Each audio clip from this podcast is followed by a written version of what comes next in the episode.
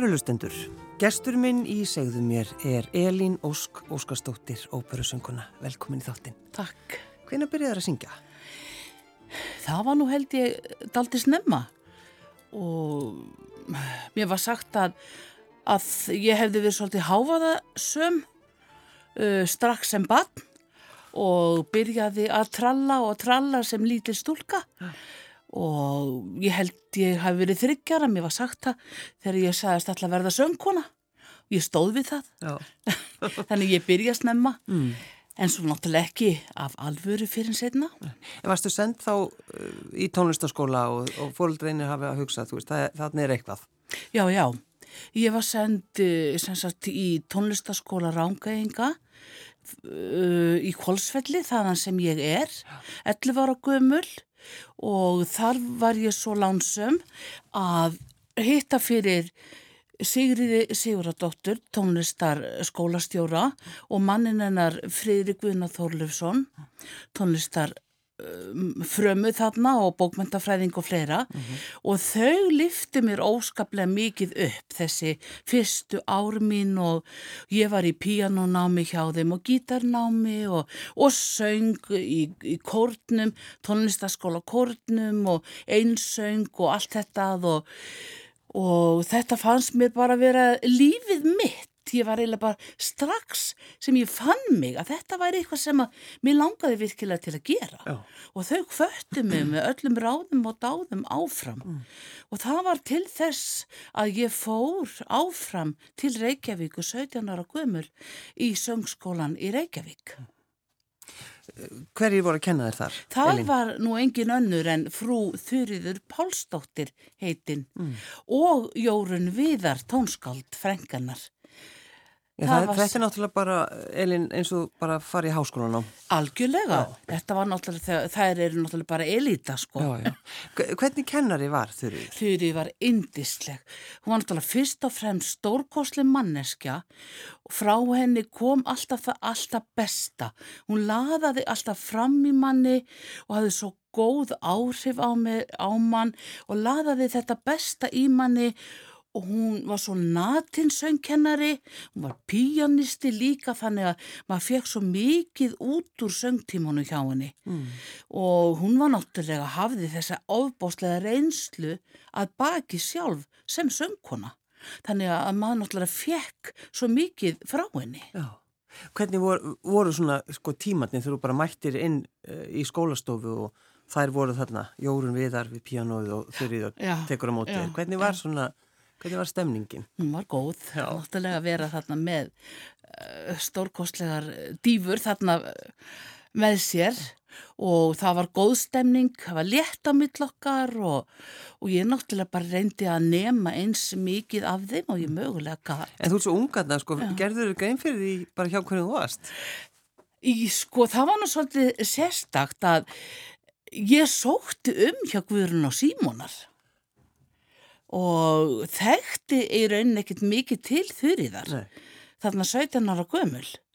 Og en það varð úr að þegar ég tók inntökuprófið að þurriður vildi fá mig sem nefnanda sá eitthvað þarna sem hún vildi byggja upp og ég var náttúrulega afskaplega lánsum mm. ekki það að ég hef ekki verið lánsum að fara til Guðrunar en ég var bara þekkti það ekkert svo sem mm. en ég var lánsum að komast til þurriðar því hún er stórkoslu og var stórkoslu kennari mm. og söngkona og fræðslu manneskja Já. Var hún að segja þér Elin Ósk sko svona einhverja hlutum með, í samband við það þú veist, ef þú ætlar að fara út í söngin þá þarf þetta að búa þig undir, þú veist, alls konar hluti. Já, hún gerði það. Hún lagði alveg línutna fyrir mig. Hvort að ég myndi vilja ganga þessa leið og hún hvatti mig til þess. Sagði mér að ég hefði allt í það að gera, röttina og músikalteitið og, og allt saman. Þannig að ég fekk rosalega gott pepp frá henni mm. og, og þeim báðum og svo frá afskaplega mörgum öðrum. Þannig að ég sá ekkert annað fyrir mér en ég vildi þetta. Já, það var bara söngurinn, það var ekkert annað sem kostað. Já, já. Hvert ferði svo þegar þú klárar söngskólan hér? Þá fer ég til Ítalju. Og þá var ég búin að kynast manninu mínum, Kjartani Ólafsson tónlistamanni, hann var líka við söngskólan að læra að syngja hjá Magnúsi Jónssoni og við förum saman til Ítalju og eigðum þar tveimur árum mm. í söngnám og þar voru við í söngtímum hjá frægum tenor sem að hétt Pier Miranda Ferraro var kallaði fljúandi tenorinn að því að hann flaug uh, svona milli staða aðalega til að syngja óperinu Othello. Já, já. Hann var rosalega flottur Othello. Já. Bæði alveg bara rosalegur dramatísku flotti tenor. Og við lendum þar og ég lendi þar hjá honum mm. og og hann er í Milano og kendi við Verdi Akademíuna og við lendum þarna bæði hjá honum og ég er þarna í tvö ár við nám mm. og fekk náttúrulega áframhaldandi rosalega mikið út úr því eh, eins og með þurriði að þá er og var hann söngvari mm -hmm. og þekkti allt þetta óperu stand og óperu líf og ég fekk náttúrulega bara beint í æð framhald af því og svo náttúrulega bara kúlturinn að vera á Ítalju í þessu sönglandi maður fær svo mikið út úr því Segðu grann frá því, hvernig, hvernig þetta var? Það var bara já, ég hérna var komið það langt í sögnum mm. að þetta var svona framhaldsnám hjá mig hjá Pér Miranda Ferraro og, og hann var alltaf með pianista með sér líka. Þannig að ég fór bara í það að læra óperu hlutverk. Alveg bara hvað á fætur öðru. Oh. og svo senda mér keppni þarna upp í Týról hverfið eh, með Kosi van Tute og þar komst ég heil langt áfram svo dætt ég út sem var bara allt í lagi já, já, þetta var bara frumrun hjá mér. Og reynsla, þetta var reynsla og var afskaplega gaman. Og þarna læriði ég hverja óperuna á fætur annari hjá honum. Já, og bjóð náttúrulega að því setna mér þegar ég var komin á fullt í óperuna. En hvernig var sko að búa í Mílan og, vera nefandi? Hvernig... Ég bjó ekki Mílanum, við byggum í bæ sem heiti Piacenza í Pótalnum. Mm -hmm. Það var ódýrara fyrir okkur að fara milli með lest í klukkutíma heldur en að búa í Milano oh. og eiginlega miklu vistvætna. Því Milano er svo sem ekkit spennandi borg að búa í, finnst mér mm. og okkur fannst það ekki beint. Það er náttúrulega rosa mikil yðnaborg en það náttúrulega skala er þarna og allt það jú, jú. að sjálfsögðu. sjálfsögðu þannig að það er náttúrulega menningin á, á fullu mm. en við svona bara já, nutin þess að vera þarna í þessu minni bæ og hafa það gott þar og, og læra og læra og, og syngja og, og ég söng út um allt. Hann var svo döglegur, hann kennar minn Ferraro, að senda mig hingað og fangað. Já, bara um Ítalið? Um Ítalið, Norður Ítalið. Það er svona, uh, svona söngfélög, að mér setja lírika, sem að fengu alltaf listamenn til að koma og syngja tónleika þarna og þarna. Já. Og hann var svo döglegur að senda mig. En eftir þessi tvö ár, Elinósk, mm. uh, þá viltu koma heim eða hvað? Hva, nei, nei, ég ætlaði það ekkert. Nei? Nei, nei. Hugurinn stemdi að fara í fyrirsöng mm -hmm. út um allt Já. og ég var að undirbúa það. Þá kemur upp á borði hjá mér, ég var 25 ára, kemur upp á borði hjá mér að það vegi að setja upp óperuna Toska mm. við þjóðlugkúsið heim á Íslandi og ég fekk bóð um hvort að ég hefði áhuga fyrir að taka að mig hlutverk tosku. Mm. Og ég náttúrulega fann, mér fannst þetta náttúrulega afskaplega spennandi og mikill heiður, hann er 25 ára, það gerist og gengur ekki að 25 ára soprasöngur syngi tosku. Nei. Það er yfirleitt komna kannski á allavega eitthvað á 50 alduru jafnvel. Uh -huh. Nefna hvað að ég ákvað að skoða málið mm -hmm. með mínum kennar. Ég vildi náttúrulega ekki gera neitt annað nema hann myndi treysta mér til þess. Og ég fer til hans og segja hann þetta að það sé ítalskur uh, hljómsveitastjóri Maurizio Barbazzini sem að eigi að stjórna óperunni og hvort að hann vilji fá mig og hvort að ég eigi að slá til, hvort að ég sé nokkuð tilbúin í þetta og hann saði við mig, veistu það ég myndi taka þessu en myndu það bara að syngja þetta sem ung toska ekki sem fullþrosku dramatískur mm. sopran Nei.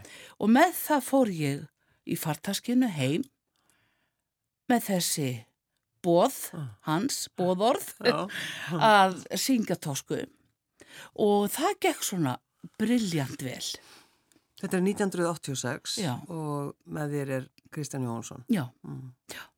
Vissur þú hver hann var þegar þú hittir hann? Ég náttúrulega vissi hver hann var en ég þekkt hann ekkert. Nei, og þekktir hann ekki. Nei, nei, nei, nei, ekkert. Ég vissi bara að hann var að syngja úti og, og var búin að vera þá ykkur nokkur árin, sko. Mm -hmm. Ef við ekki bara heyra uh, svona hvernig þú hljómaðir þarna, Elin Ósk. Þetta er sem sagt eh, með Sinfoniljóst Íslands. Já. Og þú valdir hvaða? Vissidarte, það er bæntosku og þarna er hún að segja skarpja hennum mm -hmm. illa lauruglu stjóra sem að villana, vill fá hana mm -hmm. en hún neytar því hún er uh, lofuð öðrum en þarna segir hún að hún lifi fyrir listina og ástina.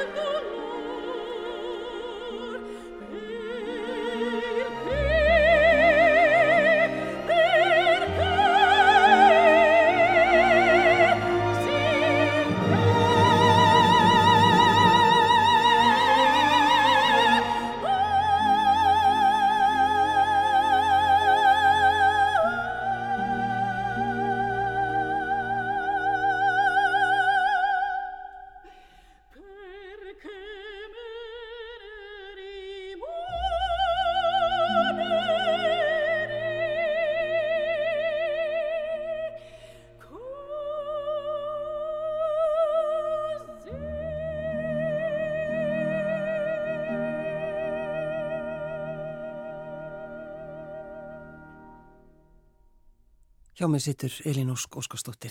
Þetta er náttúrulega því líkur öll. Hvernig finnst þér að hlusta þau? Gerur það?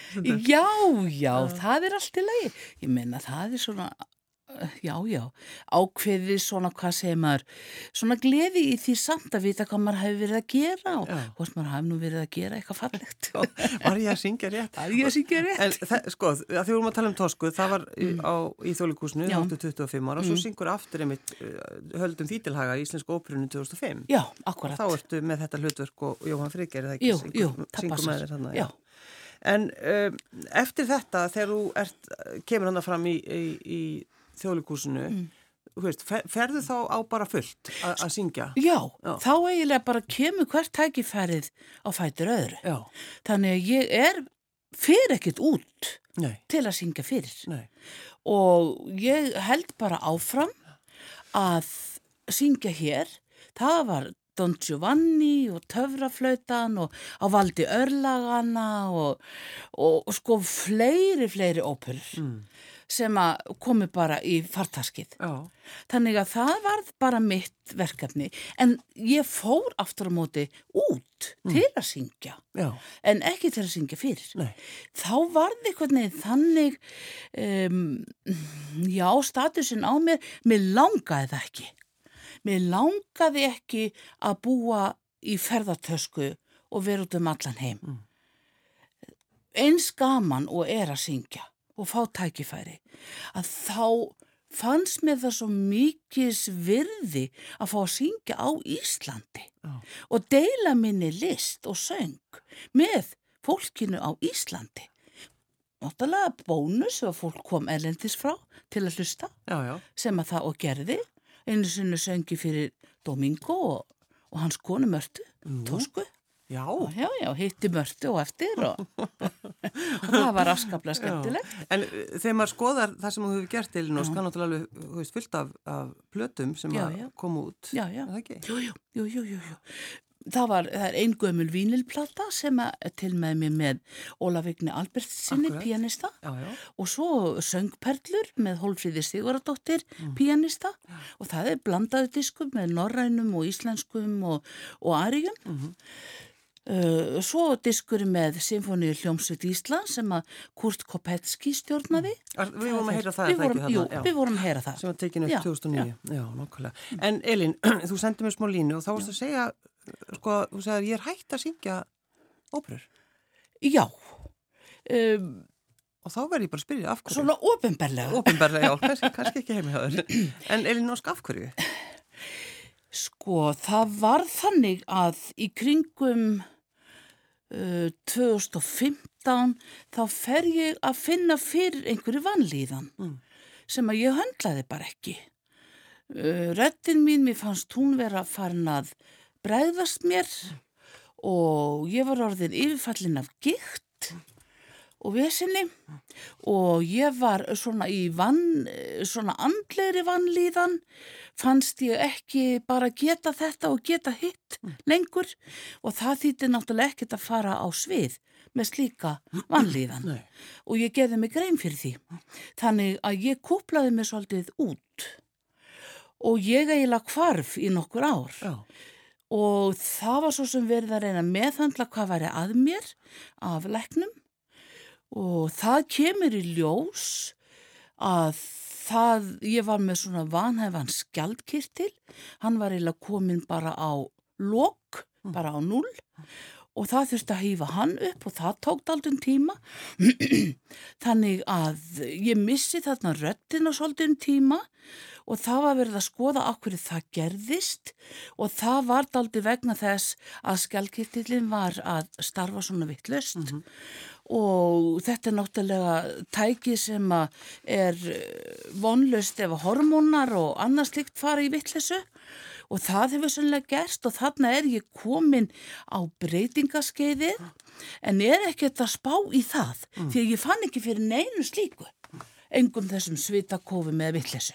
Það var ekki sem var bara, þetta var bara einhver, eitthvað annað, vannlíðan, ég var svona kvíðavesen og, og ég þurfti bara að láta miðhandla mig Já. og gerði það mm. og ákvað bara að kúpla mig út. Mm.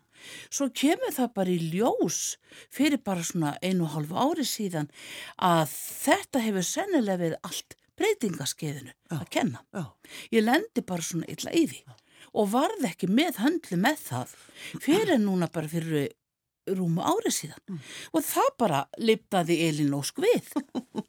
Já, og, uh, en ekki semst, þú ert ekki að syngja óperur í dag? Ekki óperur, ég ákvað bara að kúpla mig út úr því, uh, ég meina þegar maður er komin á þennan aldur, þá fer maður ekki að starta sér aftur, nei, nei. því að þá er bara önnu kynnslóð sem að teku við. Já.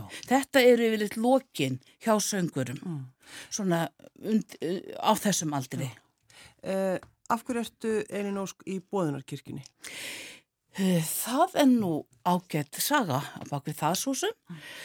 en kringum 2001 þá kynnust við aðeins Bóðunarkirkjunni sem var þá í hlýðarsmára í Kópavogi í gegnum við nokka Guðmund Bríði sem var sótt í það kirkju. Uh, hann fekk okkur til að skoða að koma á samkomi með, með sér mm. og það varð úr við fórum og það varð úr að maðurinn minn fór að spila við samkomundar á piano því hann er pianisti líka. Uh, Kjartan Ólafsson. Og hann er þarna einhverja mánuð að spila og við sækjum þá kirkju. Okkur fannst það voru ljúft samfélag fallegt. Svo var það eiginlega ekkert meira og svo liður bara ár og ég náttúrulega á fullu bara í mínu starfi, óperustarfi söngkennari, kostjóri og allt mögulegt uh -huh. og orðin náttúrulega móðir líka þannig að, að það varð ekki fyrir fyrir svona þremur árum að við ákvaðum það að lappa inn í bóðunarkirkjun aftur. En af hverju tekum við svona ákvörðum? Eh, það er eitthvað sem vandar í lífið. Oh. Það er eitthvað ró. Það er eitthvað, uh, það er eitthvað sem að ég kannski er upp alinn í góðri trú. Uh mhm. -huh og ég var búin að kynnast heilmikið starfi kvítasinu kirkjunar í gegnum máminn inn í kirkjulækjakoti, hann Már Guðnason sem er yndisleg kirkja og ég var búin að kynnast trúarstarfinu, kirkjustarfinu gegnum þjóðkirkjuna, gegnum þetta en mér vandaði eitthvað haldreipi, ég fann það, ég þurfti á Jésu Kristi að halda inn í líf mitt. Já. Og bóðunarkirkjan var fyrir valinu að því að mér finnst hún bóða svo mikinn sannleika. Hún bóðar fagnaðar erindi Jésu Krist um, gegnum biblíuna eins og hún er. Og við höldum kvildardaginn á laugatón samkvæmt biblíunni samkvæð því sem að Jésu Kristu kendi læruseinum sínum og boðaði, ekki á sunnudögum eins og katholska kirkjan kom á. Mm. En þannig að við erum þarna gott samfélag og mér fannst þetta svo ljúft þarna, þetta var svo fallegur boðskapur, fallegur svona og það er fallegur og léttur og góðu söngur, við erum búin að setja stað þarna svona hljómsveit og maðurinn með spilar alltaf við samkomur og það eru þrýr aðeirir, einn á bassa og gítar og harmoniku, piano og þetta er mikil söngliði og maður fær ofsalega mikið út úr því að lofa drottin í þessari kirkju. En, en að því að sko það er rauninni bara þrjú ár síðan Já. að þú ferð bara á fullt inn í þetta. Já. Var fólk hissa kringu þig, Elín Ósk? Já, á mörguleiti. En já, en jú, svona kannski yfir höfuð, mm. en ég ger yfirleitt allt með trombi sem ég kemur nálagt. Já. Þannig það er annarkost að fara fullt í hlutilega eða sleppa þeim. ég er bara þannig. En, en það fólk sem er bara, uh, sko, eitthvað, í þínum hópi sem bara... Mm skildi þetta ekki og bara var nei, með alls konar skoðanir nei, á þessu? Nei, það er enginn af mínum vinum sem að hefur sagt af hverju er þetta þessu og, og svona nei, ég fæ skilning frá mínu fólki og ég fæ náttúrulega afskaplega mikið skilning frá mínum mági, mm. már og önnu sýsti minni sem er líka mjög trúið kona. Ég fæ mikið skilning frá þeim og, og það finnst mér voru gott En hefur þetta sko þegar maður fer inn í, inn í svona uh, kirkju, bara alveg á fullu, mm -hmm. sko, ertu öðruvísi, ertu önnur manneskja nei, í dag? Nei, nei, nei, ég er sko, ég er sama manneskjan nema ég er svona friðsætli kannski. ég finn svo mikið, finn svo mikla gleði og ánægu í lífinu mm. og kannski að því ég er komin á þann stað aftur að ég hef svo gaman af lífinu mm. og ég er svo þakklátt fyrir að fá að kynnast þessu ferli, trúarferlinu. Mm. Og það er svo gott fólk þarna og þetta er svo indisleg samvera, það er einn og halvu tími sem að fyrir samkomi með tali og tónum og svo er alltaf uh, kaffi, súpa og allt mögulegt fallegt og flott á eftir þannig að þetta er svona gott samfélag. En, en svona trúbóð, eru þið með svo leiðis? Það er náttúrulega bara fagnaði erindi bóðað mm. en það er ekki það við sem að ganga í hús, nei, nei, nei.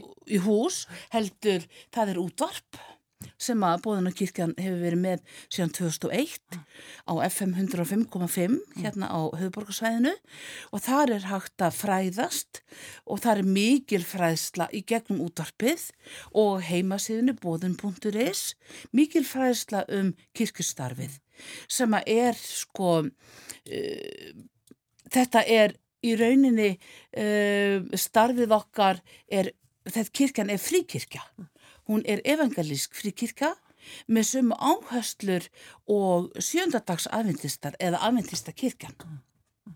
Færði í sko diskussjón með fólk sem að trúur þessu ekki?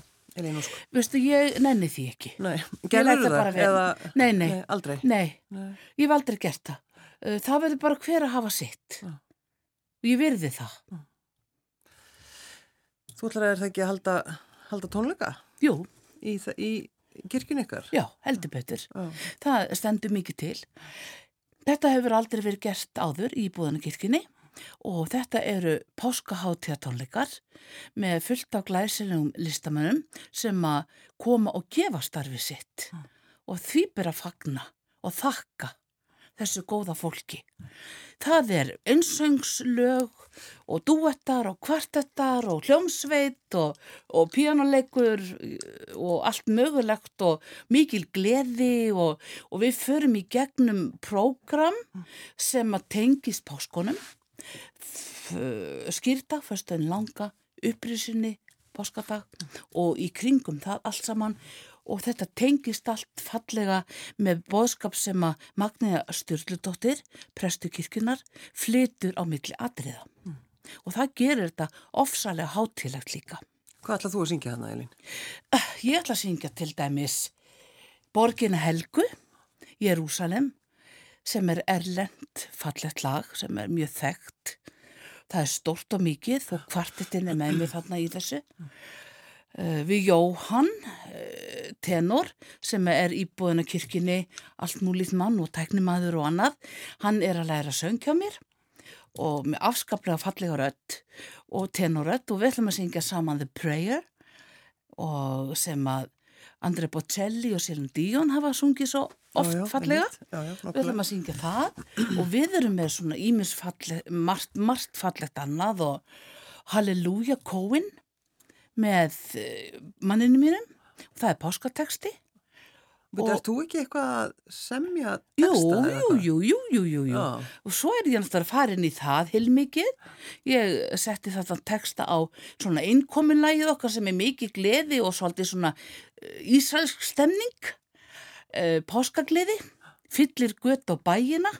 Háttíð höldum hér Þannig að ég samti þá ég er að semja heilmikið já. og komin út í það var mikið. Já, Bæði semja... lög og ljóð. Já, lög og Bæði ljóð. Bæði lög og ljóð, já. Er það, þetta eitthvað nýtt? Þetta er eitthvað sem hefur blundað í mér alla tíð og ég hef alltaf vita að væri til staðar en það bara gafst ekki tími fyrir núna. Mm. Þannig að nú er bara, er ég að sinna þessu, sinna kirkjunni minni, sinna badnabönnunum og fjölskyldunni og þetta er bara afskaplega ljúft og gott líf. Já. Ég baði að velja aðra arju Já. í lokin Elin. Af hverju valdur þessa ætu? Uh, að því mér finnst hún svo glæsileg þessi arja og ég reyni að gera mitt besta í að syngja hana Ritorna Vincitor snúðu aftur sigurvegari já, kannski lýsir þetta svona þráhyggju minni svolítið að snúa aftur og gera hlutina Elín Ósk Óskastóttir, óperusönguna Takk fyrir að koma. Takk fyrir mig